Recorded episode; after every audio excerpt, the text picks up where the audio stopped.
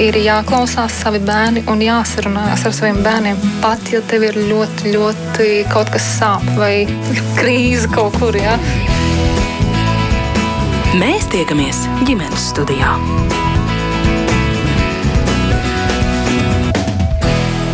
Labdien!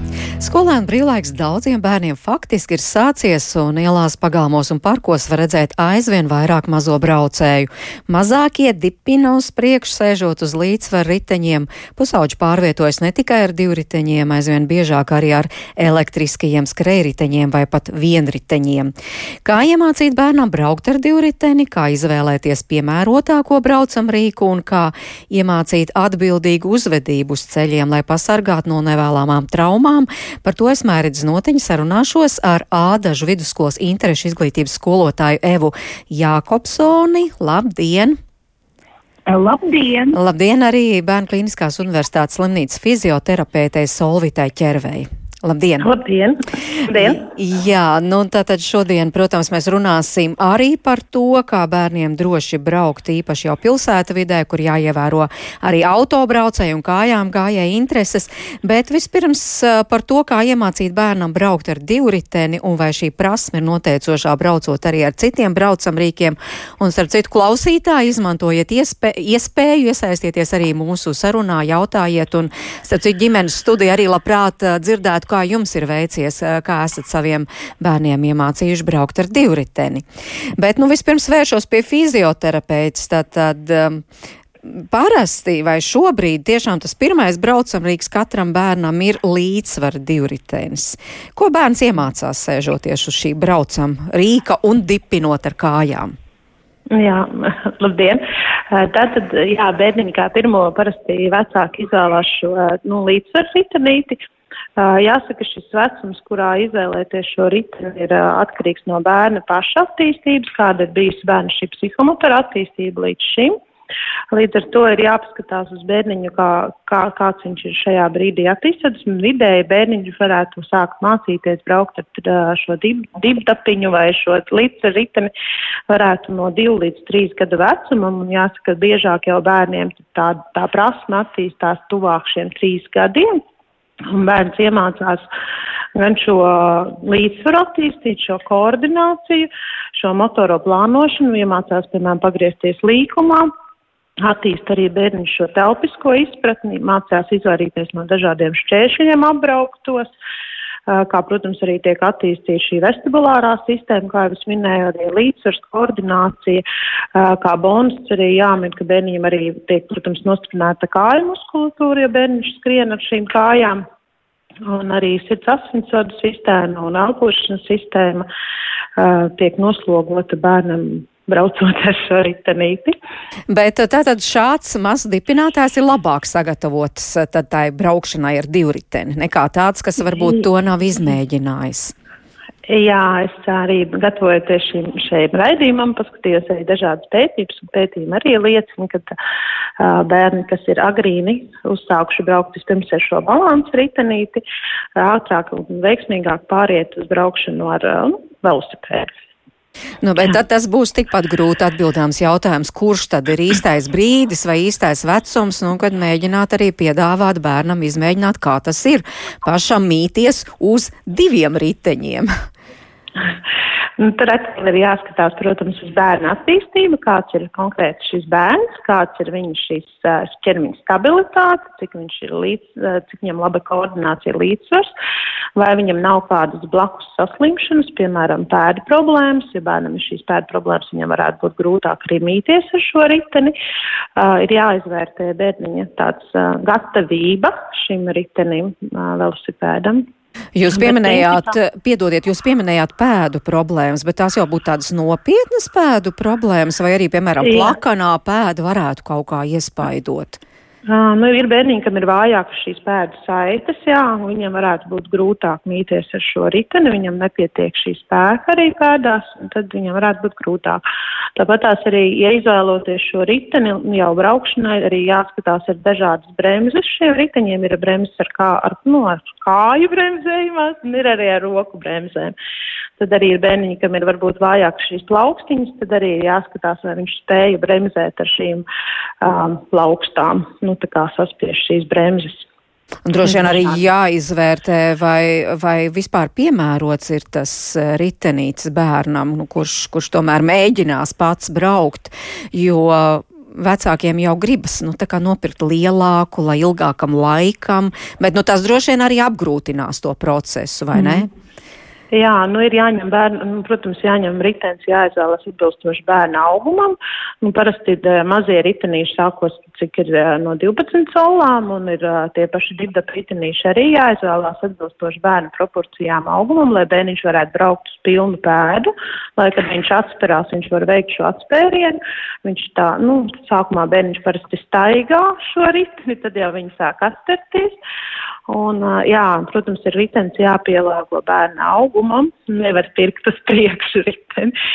Jā, tā kā, jā. Nu, bet tas maģiskais process iemācīt bērnam braukt. No vienas puses vienkārši, cits saka, kas tur stunda, un bērns brauc, bet visiem tik vienkārši neizdodas. Un, starp citu, es arī, nu, tā kā paskatījos, ko, ko citi par šo saka un kāda ir ieteikuma, un tad arī izlasīju, piemēram, ka tomēr tā vecāku vēlme turēt uh, to braucēju aiz sēdekļa nav nemaz tik pareizi. Nezinu, kāpēc, ka, piemēram, labāk, nu, bija viens tāds ieteikums uh, būtu bērnam aplikt ap krūtīm kādu lakatu, ko zem padusītēm bērnam nepieciešams.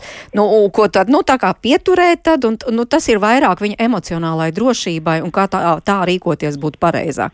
Es tiešām nezinu, cik tas būtiski, kā jūs teiktu, kā fizioterapeiti. Nu, es kā fizioterapeits, esmu trīs bērnu māma, tad uh, no pieredzes varu teikt, ka jā, ka bērniņam pirmais, kas ir vecākiem jāskatās, ir jānoraiž šis krēsls stāvoklis zemāk, lai bērns sākotnēji spēja ar kājām vismaz aizsvert šo zemi.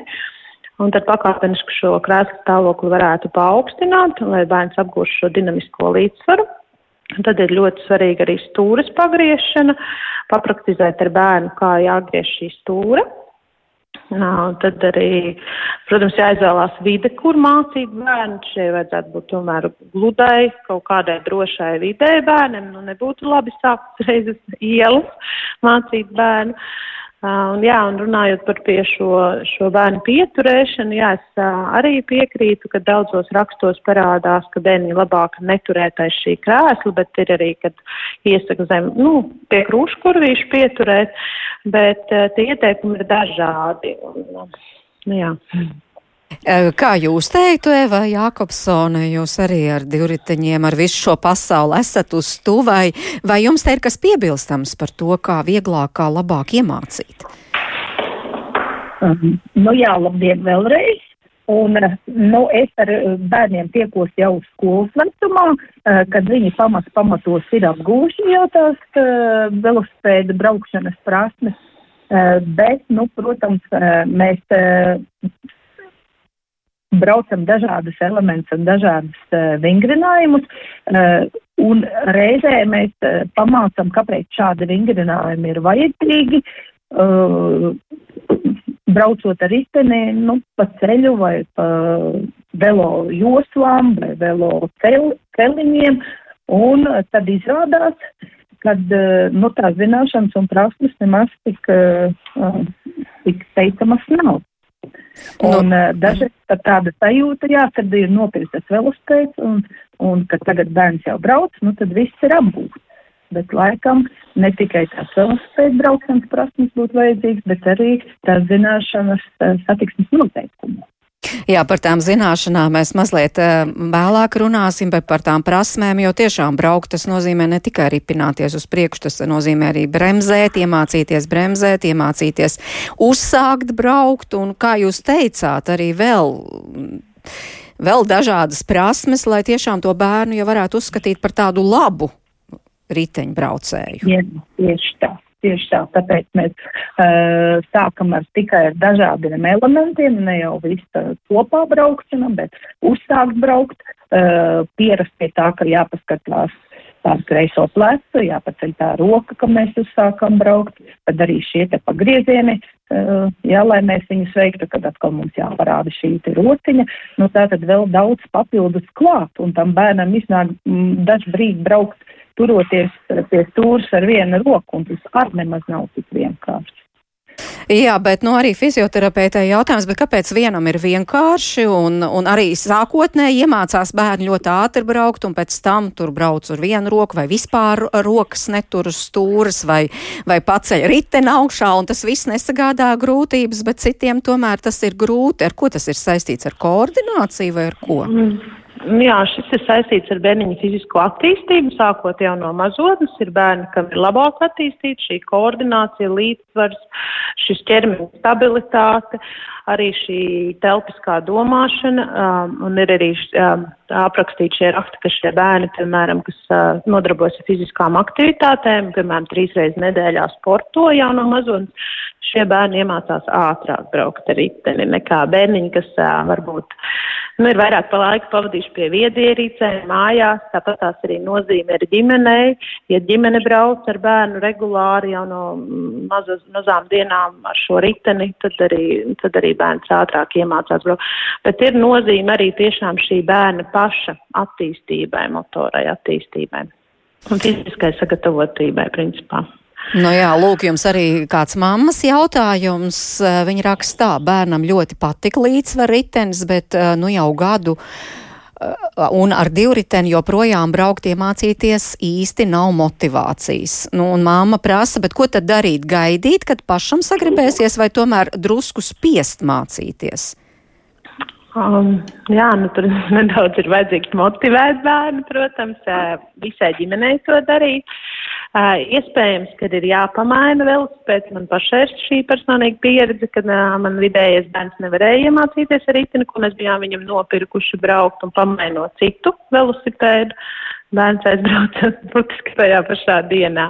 Tā kā ir arī nozīme šim velosipēda kvalitātei, vai viņš nav smags, vai bērnam proporcionāli viņš der augumam, Tā kā, jā, ir arī nozīme šim velosipēdam. Iespējams, ka bērnam ir grūti mīties ar šo riteni, jo citreiz arī šie velosipēdi ir tādi, kuriem tiešām šie pedāļi, nu, neminās viegli. Tā, tā. Nu jā, bet tikai vecākiem grūti pārliecināties. Nevar jau uz tā mazā ritenīša uzsēsties un pārliecināties. Viegli vai grūti. Jā, jā, bet, nu, ja apgūta tā fundamentālā riteņbraukšanas prasme, tad jau tālāk droši ar visām citiem uh, braucamrīkiem, kas tagad tik ļoti modē, skrejriteņi, elektriskie riteņi un pat elektriskie vienriteņi un kāda braucamie tik šobrīd nav, tad faktiski tas vairs nav šķērslis. Tālāk jau ir vienkārši, vai tā varētu Aha. teikt? Nu, nē, nu, ir, tie, ir jāatcerās, ka ir šie skrējēji, šie ditapiņi saucamie, tad ir uh, tie trīsritenis. Uh, trīsritenis arī ir dažiem bērniem nepieciešams. Ir bērni, kuriem ir šī attīstības dažādi traucējumi, arī bērniem, kuriem ir tiešām šie līdzsvaru koordinācijas traucējumi, varētu piedāvāt šo trīsriteni kā alternatīvu. Tad ir šie skrējriteņi, par kuriem ir jāatcerās, ka viņi ir asimetriski, tomēr noslogo ķermeni bērnam, un viņš atspērās, principā izvēlās atspērties ar vienu kāju. Tad ieteikums būtu tomēr vecākiem mā, bērnam mācīt atspērties ar abām kājām, mainīt šīs puses, lai bērnam netiktu noslogots asimetrisks ķermenis. Un, attiecīgi, bērnam augot, ir jāskatās, protams, bērna arī tāds psiholoģiskais briedums, kad viņš ir gatavs arī nu, kaut kādiem nopietnākiem braucamiem ir līdzekļiem. Nu, piemēram, tiem elektriskajiem. Nu jā, tur, eh, tur ir tiešām jāizvērtē, vai bērns ir uh, gatavs uzņemties šo atbildības ceļu arī.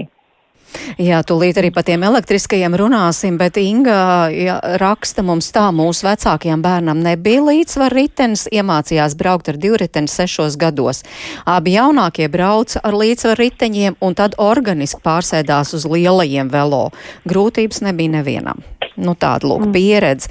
Jā, bet par elektriskajiem domājot un runājot, sarunā grib iesaistīt arī Latvijas mobilitātes asociācijas pārstāve Edgaru Jākopsonu. Labdien arī jums! Labdien! Jā, labdien! Nu, domājot par tiem elektriskajiem, es nezinu, protams, elektriskais eh, šis skrējritenis būtu viena lieta, un šķiet, ka tas ir vienkārši, nu, tur tas elektriskais vienritenis, manuprāt, tas jau ir kosmos. Jūs piekrītat man? Nu, jā, eh, tie, tie, tie vienriteņi elektriskie, tie ir tādi visi dīvainākie rīki, kas parādās uz Rīgas ielām un arī citās pilsētās. Un nu, šobrīd viņi īsti pat nav nodefinēti, viņi pat līdz galam īsti nedrīkst tur atrasties, kas, nu, atšķirībā no visiem pārējiem braucamrīkiem, kuri šodien ir sastopami pilsētas ielās. Pēc par tiem vienričiem man ir diezgan grūti komentēt, cik man ir zināms gan ārstniecības iestādē, gan, gan valsts likumu sargājušiem iestādēm šie vienriči visvairāk nepatīk. Un kāpēc? Tas laikam tur tiešām ir tāpēc, vajadzīgs īpašs prasmes, tāpēc, un varbūt tie arī ir visnedrošākie.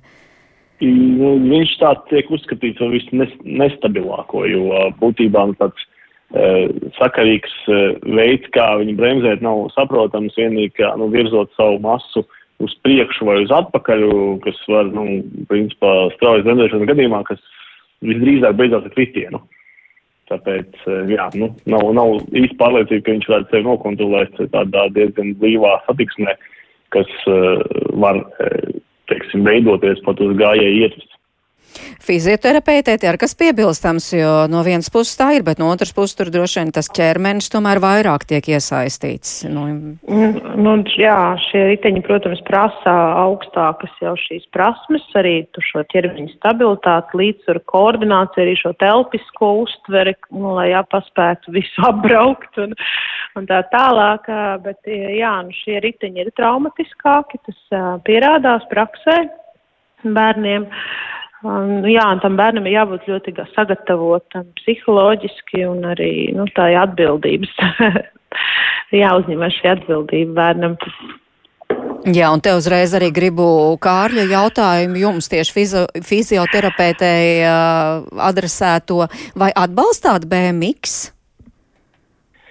Jāsaka, godīgi, es neesmu ļoti iedziļinājusies BMX, bet, ja to dara, protams, izmantojot visus šos drošības līdzekļus, gan šo ķiveri, gan ceļu sargus, gan šajā drošajā vidē un, un, un pieaugušo uzraudzībā, tad es um, neiebilstu pret BMX kā sporta veidu. Protams, uz ielas nevajadzētu droši vien to darīt. Jā, nu varbūt vairāk klausītājs par to pozu droši vien gribēja jautāt, jo tā laikam nav tāda ļoti pateicīga nu, ķermeņa. Jā.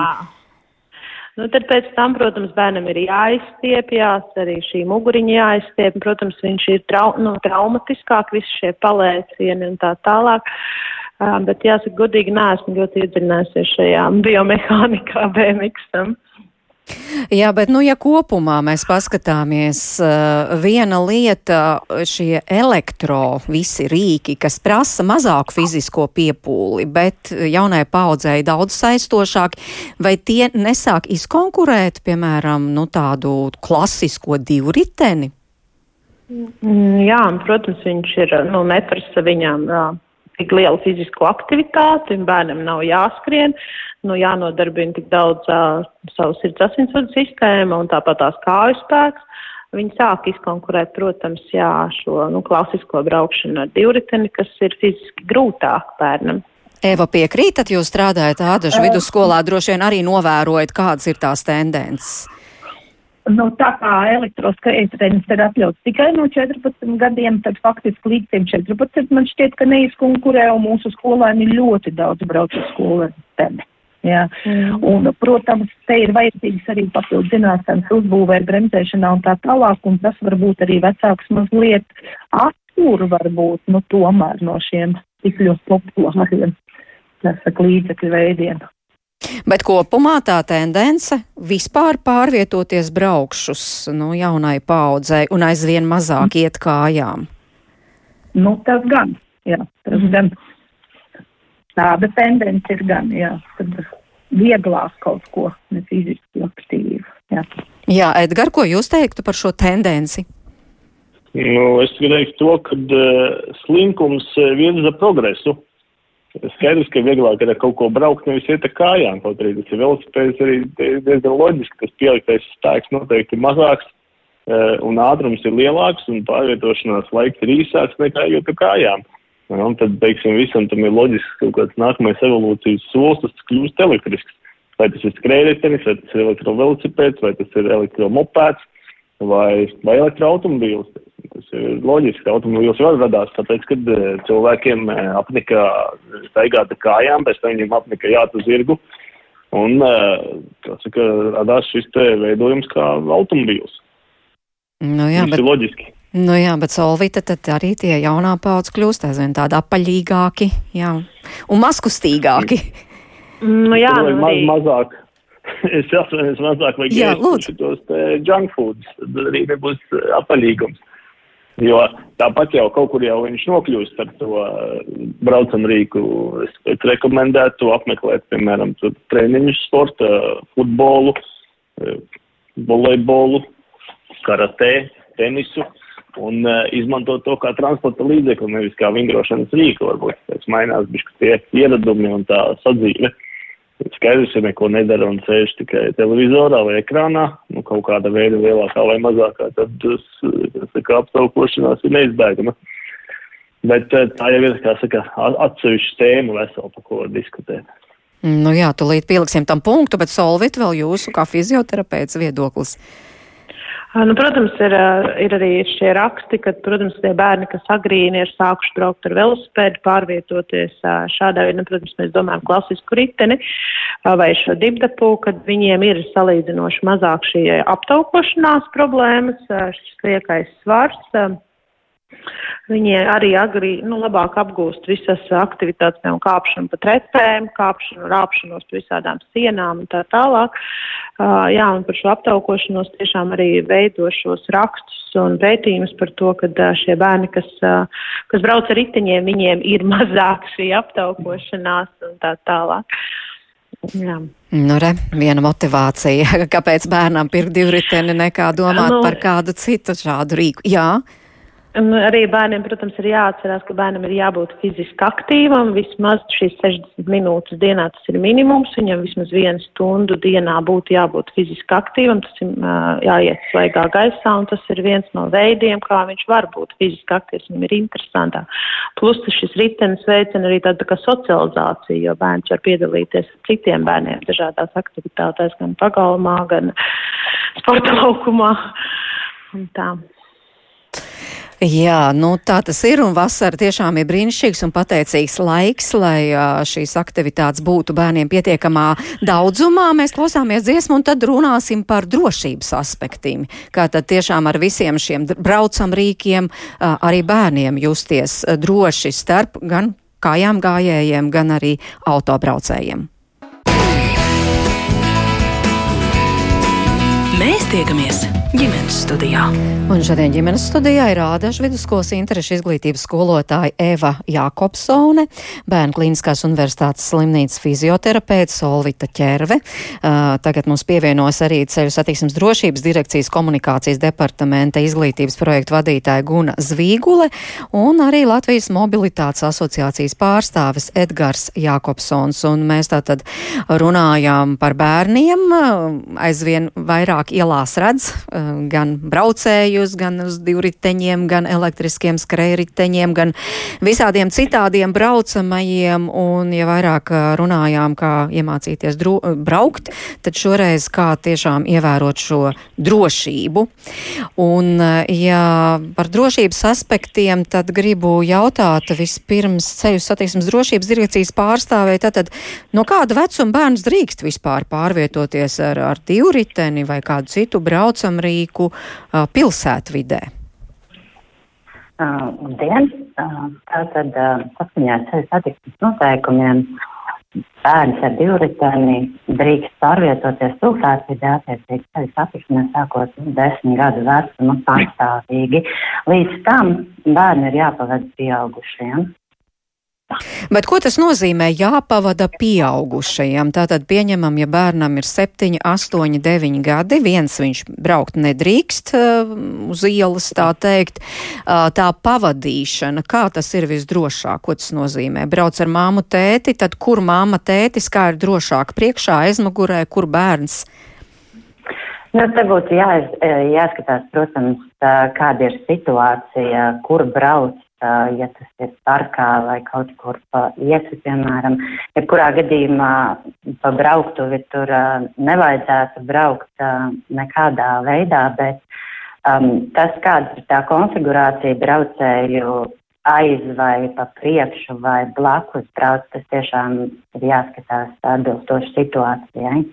Bet tā tad pa brauktuvi līdz Nekādā. tiem desmit gadiem nekādā gadījumā, pa ietvi, ja? Vai vai veloceļiem, velospēdu joslām, kas ir paredzēts velospēdiem tieši.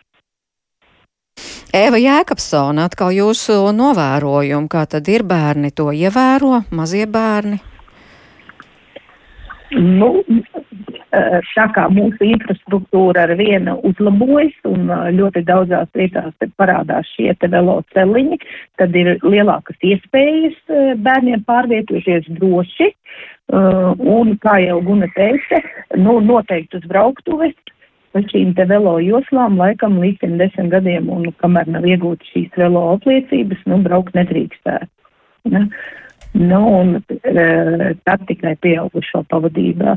E, kā novērojam, nu, tātad pa veloceliņiem droši bērni pārvietojas, neredzu, ka ar vecākiem ļoti bieži, e, bet e, pa brauktuvēm, nu, vismaz ādažu pusē mums ir ļoti sakārtota infrastruktūra, ir labi e, veloceliņi un nenāks braukt pa brauktuvēm. Jums uzreiz, vai arī kolēģiem, klausītājs Kais ir jautājums, vai lielie māsas un brāļi var līdz desmit gadiem būt pieaugušo statusā? Nu, laikam nē, nevaram būt. Tātad pieaugušie būs, nu, tie, kas ir no 18 gadiem, jā, kas var būt atbildīgi. Ceļu satiksmes drošības direkcija? Uh, jautājums, vai Nu, jā, nu, piemēram, brālim ir 13 gadi, nu, piemēram, vai ne? Un mazajam ir, piemēram, 8. Viņi tādā tandēmā var. Viens jau it kā bū, būtu laižams uz ielas, bet abi. Nu, uh, te ir tā, ka tomēr ir tā pilngadīgā persona. 14-gadīgs brālis īsti ne, nebūs kā pavadošā persona bērnam līdz 10 gadu vecumam. Bet no desmit tā tad var, un kā mēs jau te dzirdējām, ir nepieciešams velo tiesības. Jā, no desmit līdz 17 gadu vecumam um, jauniešiem ir ļauts piedalīties uh, ceļu satiksmē pastāvīgi ar iegūtām uh, valsts vadītāju tiesībām. Jā, gribu jautāt, eh, varbūt arī jums un arī Evai, cik viegli vai grūti tās uh, velosipēdista vadītāja tiesības ir iegūt? Ko tas īsti nozīmē? Ko tas prasa no bērna? Es laikam tad varu pastāstīt vairāk par šo te tāds ir eksāmens. Nu, eksāmens ir desmit jautājumi, uz kuriem, no kuriem astoņiem ir jābūt pareizi atbildētiem, lai uh, mēs ieskaitītu eksāmenu par to, cik grūti vai viegli tas katrā konkrētā gadījumā, katram konkrētam bērnam ir nokārtojams. Tur laikam gan Eva varēs sniegt uh, plašāku komentāru. Bet par ko šie jautājumi? Tie tās ir tās sarežģītākās situācijas, kurās tas riteņbraucējs nu, var iekulties, ja, un kur var iznākt kāds negadījums. Uh, Tie ir jautājumi par ceļu satiksmes noteikumiem, aptverot uh, visas zināšanas, kas ir nepieciešamas uh, jaunajam satiksmes dalībniekam, lai tāds varētu pastāvīgi piedalīties ceļu satiksmē no pašām vienkāršākajām līdz sarežģītākām situācijām. Jā, Eva. Jūs nu, jā, piebildi, jā. pieredze ir ļoti daudz ar to, un uh, tad uh, gribu teikt, ka bērni bieži vien trenējoties šim eksāmenam, jo var arī uh, tātad uh, internetu vidē šos te treniņu eksāmenus uh, kārtot, un bērni bieži automātiski, nu, tā kā mēģina atcerēties tās atbildes, kādas tur varētu būt, un tāpat mēģina kārtot eksāmenu, bet neiedziļinoties pašā jautājumā, jo eksāmena laikā varbūt tas jautājums ir pagriezt mazliet no citas puses, un kad bērnam jau ir jāliek savas zināšanas šajā, šajā atbildot uz jautājumiem un loģisko domāšanu, jo jautājums pagriezt no citas pusītes, nu, tomēr tam zināšanām apakšā ir jābūt. Nevar automātiski iemācīties šos te eksāmenus. Mm -hmm, bet, nu, tā, jā, bet varbūt jūs vēl piebūtu, nu, par ko tad būtu jāzina, jo varbūt daudz jau nenokārto tās tiesības, un tās tie varētu būt arī jautājumi, kuri būtu vecākiem jāatgādina saviem bērniem. Jā, jā par ko? Viss vis sarežģītākie un grūtākie jautājumi ir krustojuma šķērsošana. Tātad, kas regulē krustojumus, un uh, luksofori un uh, tātad ceļa zīmes, un kurš ir galvenais, un kurš ir mazsvarīgais ceļš, un labās rokas likums, un to izpratni līdz desmit gadiem, tā kā viņi var sākt kārtot no desmit gadiem, ir diezgan uh, grūti šiem maziem bērniem apgūt. Nu, tad pat tiešām, ja viņi nāk interešu izglītības pūciņā, uh, kur vairāk tātad šīs nodarbības notiek, kur šīs zināšanas uh, tiek iegūtas, nu, tiem tad arī eksāmenā ir labākas šīs te, uh, nu, kā saka, kārtošanas nu, rezultāts labāk. Tie nokārto nu, pārsvarā ar pirmo reizi, bet ja bērns tikai uh, mācās pirms paša eksāmena, es gribu tagad kārtot, man ir desmit gadi, un ņem internetā šos treniņu eksāmenus, tad bieži vien gadās, ka nenokārto gan, jo šīs zināšanas tomēr ir vajadzīgas pamatīgākas. Nu jā, bet tie ir vitāli svarīgi jautājumi, ja mēs runājam jā, par drošību jā. uz ielas. Sevišķi tāds desmitgadnieks, vienpadsmitgadnieks, nu, ir būtiski to zināt. Jā, un uh, vecākiem nu, gandrīz visiem ir šie personīgie auto, un, kad brauc, es ieteiktu, ka brauc ar bērniem kopā, uh, tomēr rādīt šīs ceļazīmes, stāstīt par šīm ceļazīmēm un par visām situācijām uz ceļa, jo kamēr klasē to apgūst un nebrauc ar ritenīti, liekas, tas ir vienkārši, bet braucot ar ritenīti, tad viņam jau tas ir kustībā, viss jāpamana šī zīme, jāpamana, kas apkārt notiek, kā fizioterapeita teica, šī telpiskā uztvere, Un tas vairs nav nu, tik vienkārši. Jā. Nu, bet skolās to apgūst. Jūs runājat jā, par interešu izglītību, bet par skolu parasto varbūt vecāki droši kā apgūst? Jā, tās pamatlietas. Jā? jā, vecāki, arī klases audzinātāji zina, kad notiek pirmajās četrās klasēs, kad vairāk ir kopā ar saviem bērniem un audzināšanas stundās un sociālo, klases stundās un sociālo zinības stundās un sporta stundās, jā, kurās tagad ir iekļauta šī te uh, nu, drošība. Un, jā, skolā arī, protams, skolotāji ir. Jā, ir. Mhm. Mm -hmm. Jā, bet kā ar tiem elektriskiem skrējriteņiem? No kāda vecuma tad likums saka, ka vispār drīkstētu bērni braukt? Nu, tā tad no 14 gadiem. Jā, un uh, interesanti ir tas, ka pagaidām, nu, ja tu brauc uz skrējriteni, tad uh, nav vajadzīgs šīs te nu, tā kā apliecības. Un tas tā Jā, tas vēl ir sakārtojums, man šķiet, ir jautājums vēl. Jā, Jā. tu līdošu vārdu Edgaram, kā jums šķiet, vai tas ir sakārtojums jautājums, jo arī te mm, par šiem jautājumiem diskutē un pavisam nesen, piemēram, valsts policijas galvenās kārtības policijas pārvaldes satiksmes drošības pārvaldes priekšnieks Juris Jančevskis teica, ka arī vajadzētu domāt par skrējriteņa vadītāju apliecību ieviešanu. Edgar, ko jūs par to sakāt?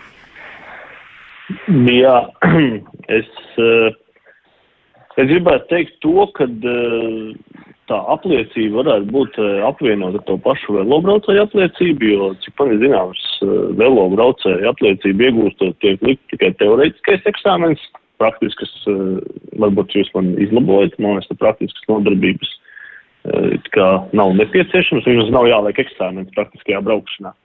Vai, vai jā, tas jā. ir pareizi? Te? Tā ir.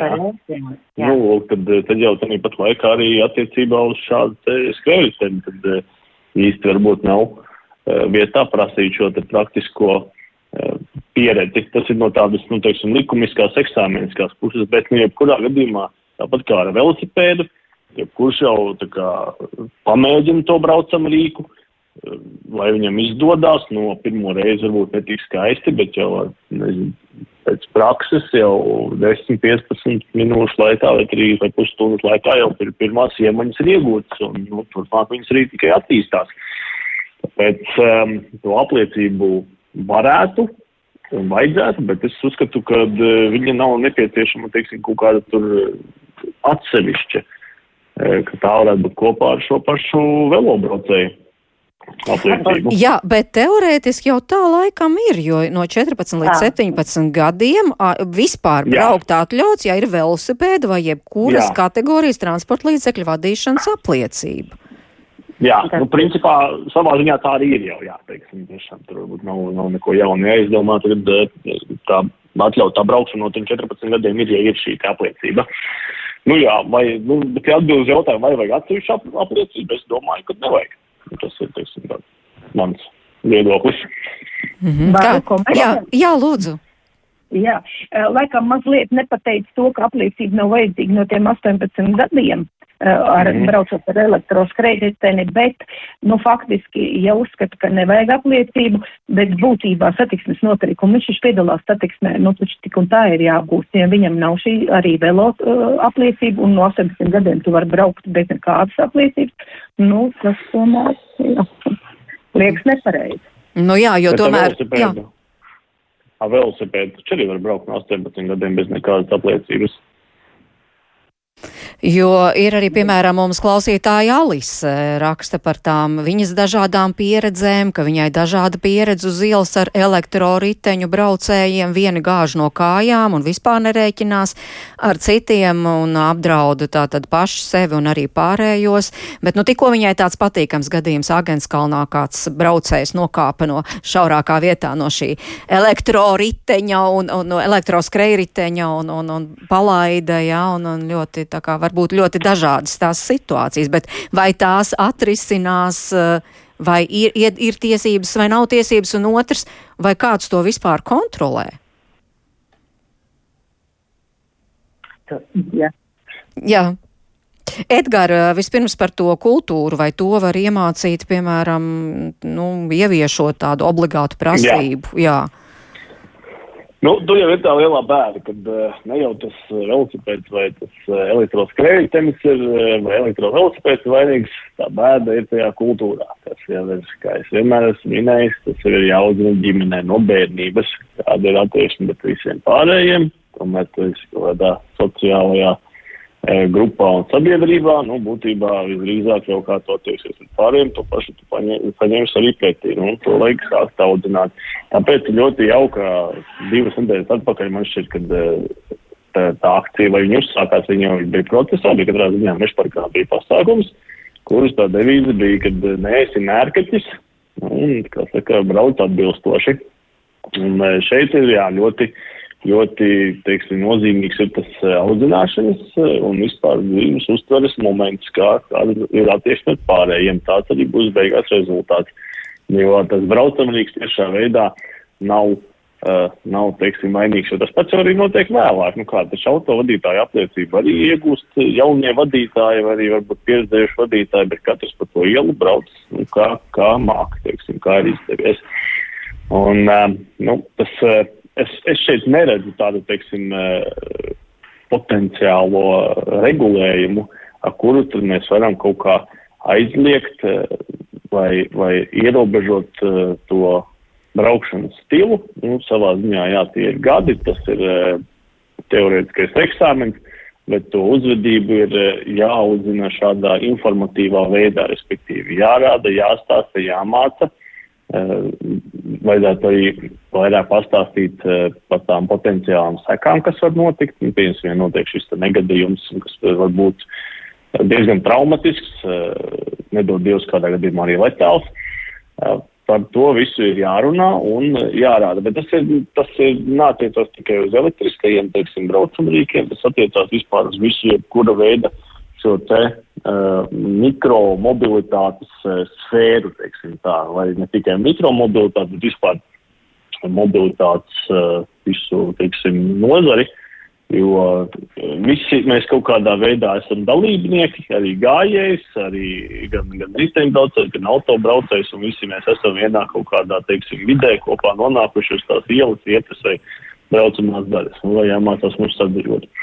Ar informēšanu, mācīšanu, Un uh, nu, tādu elementāru, teiksim, pieklājību un attieksmi vienam pret otru, tas ir veids, kā to varētu sakārtot un to situāciju uzlabot. Ja mēs, nu, teiksim, uzskatām, ka viņi ir pārāk traģiski šobrīd. Nu, vajadzētu droši vien uzlabot. Mums arī klausītāja Aiga raksta, esmu stingri pret to, lai bērnu pusauģi pārvietojas ar elektriskajiem transporta līdzekļiem.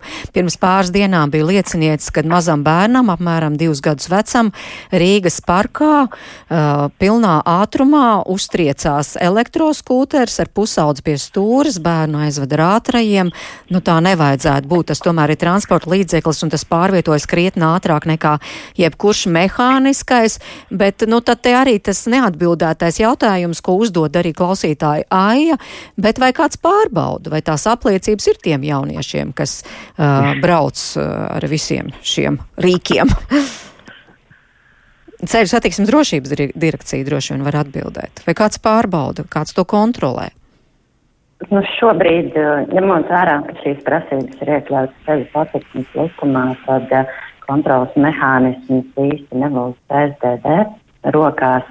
Vai to pārbauda, um, grūti pateikt. Uh, es domāju, ka tas būtu jebkurā gadījumā jāpārbauda vai vismaz jāmēģina kontrolēt, uh, bet uh, tād ļoti konkrētu jā vai nē šobrīd es nevaru pateikt. Mums jau, kā jau teicu, CSDD uh, kompetencija nav kontrolēt to, vai pa ielām uh, braucošiem skrējēju vadītājiem ir apliecība jebkāda. Bet tad jājautā, vai vajadzētu, Eva, kā, kāds ir jūsu viedoklis?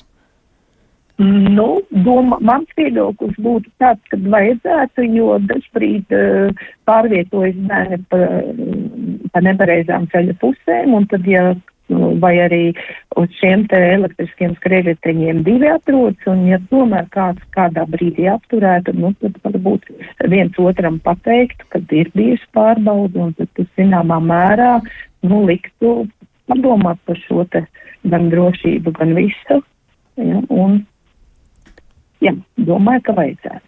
Mm -hmm. Edgar?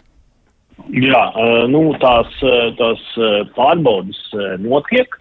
Eh, to veids eh, vairāk pašvaldības policija, nu, plus arī valsts policija. Bet uh, tur ir tāda nianses, ka tas pašvaldības uh, policijas mandāts ir diezgan šaurs.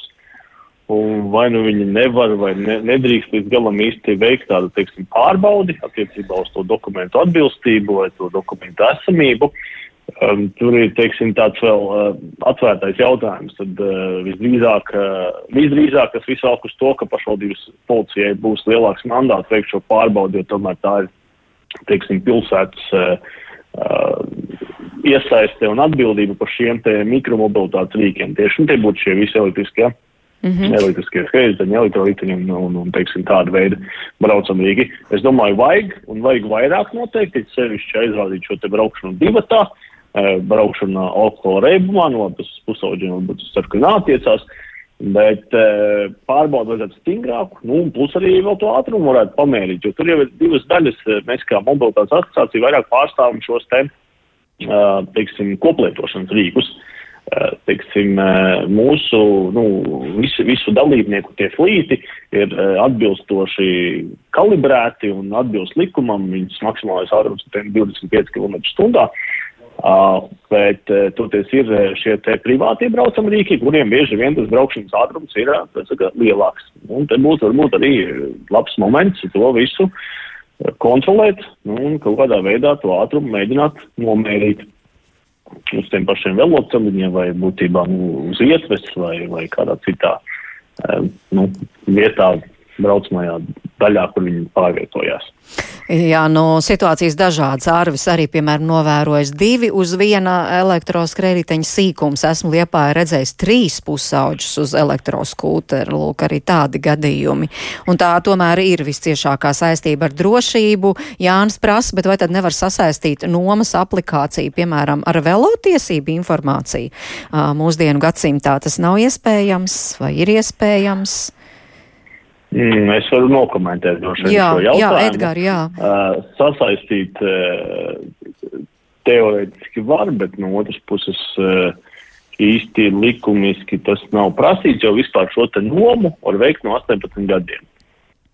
Es esmu 99% pārliecināts, ka visiem mūsu asociācijas dalībniekiem, nu, būtībā tie ir visi mikromobilitātes un arī mobilitātes koplietošanas rīku pārstāvji, kas ir Latvijas tirgu normālā gadījumā, tas ir 99%, ka visiem viņiem ir prasība, kad uh, nomu var veikt tikai no 18 gadiem. Nu, līdz ar to arī atkrīt šī prasība pēc tam uh, tiesībām, nu, jo no 18 gadiem viņas īsti nevajag. Jā, bet nu tad jau mūsu saruna tuvojas izskaņai, bet kas tad vēl var veicināt šo drošību? Protams, tiesības, protams, informācija, par ko jūs runājāt, protams, arī tomēr šo dažādu aizsargu, no nu, aizsargu ķiveres, piemēram, lietošana. Tas arī ir noteikti ļoti būtisks aspekts. Fizioterapeits sen nesam devuši jums vārdu, Solvita. Jā. Jā.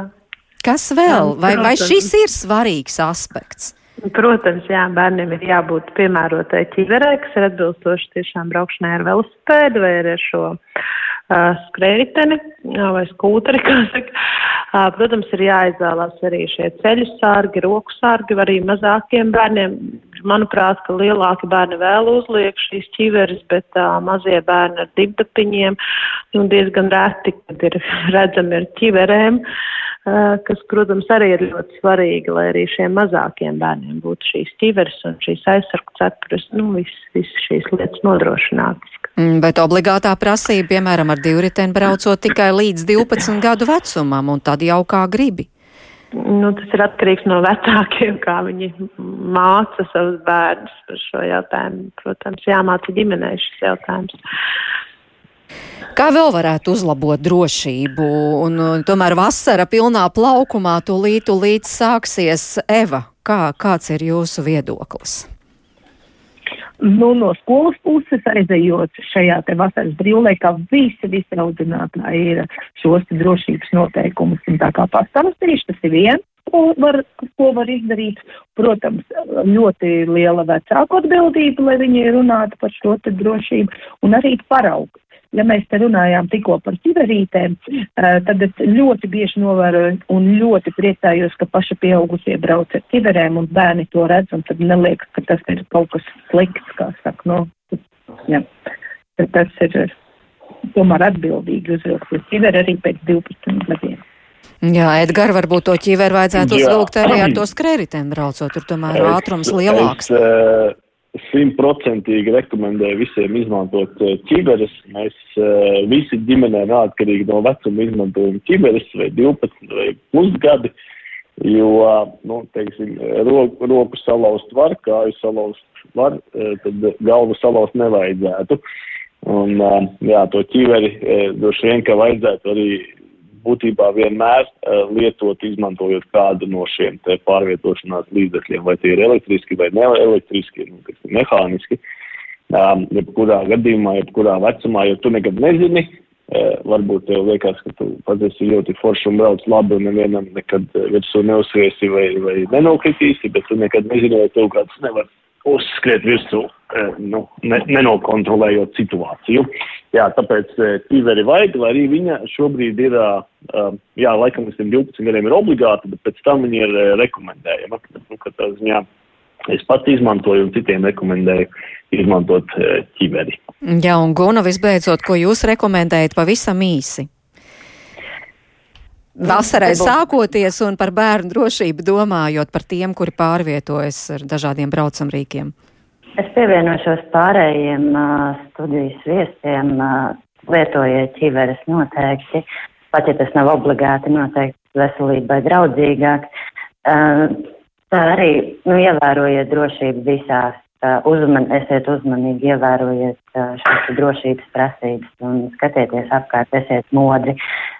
Jo zināt un realitātē izmantot satiksmes noteikumus un zināšanas par drošību divas dažādas lietas. Tādēļ nu, ļoti vērīgiem būt jebkādās aktivitātēs, īpaši jau piedaloties ceļu satiksmē. Jā, un būt vērīgiem droši vien visiem, gan braucējiem, gan tie, kuri uz Jā. šiem rīkiem, gan arī, kur brauc ar auto un kuri iet pa ietvēm visiem. Tieši tā, nešķirojot. Jā, nešķirojot. Paldies Kurām, par. Kur, kur Jā, paldies par šo sarunu. Saku Evai Jākopsonai, Solvitai Ķervei, Gunai Zvīgulai un Edgaram Jākopsonam. Paldies arī jums, klausītāji, par jūsu jautājumiem. Raidījuma producenti Ilza Zvaigznes, Mairidz Notiņa pie mikrofona un Ivets Zvēniec Krišjāns pie skaņu pults. Un rīt, starp citu, ir starptautiskā bērnu aizsardzības diena, un mēs tar, turpināsim runāt par bērnu drošību, rīt aktualizējot jautājumu par peldēt prasmi un uh, par skolas peldēšanas apmācības kvalitāti.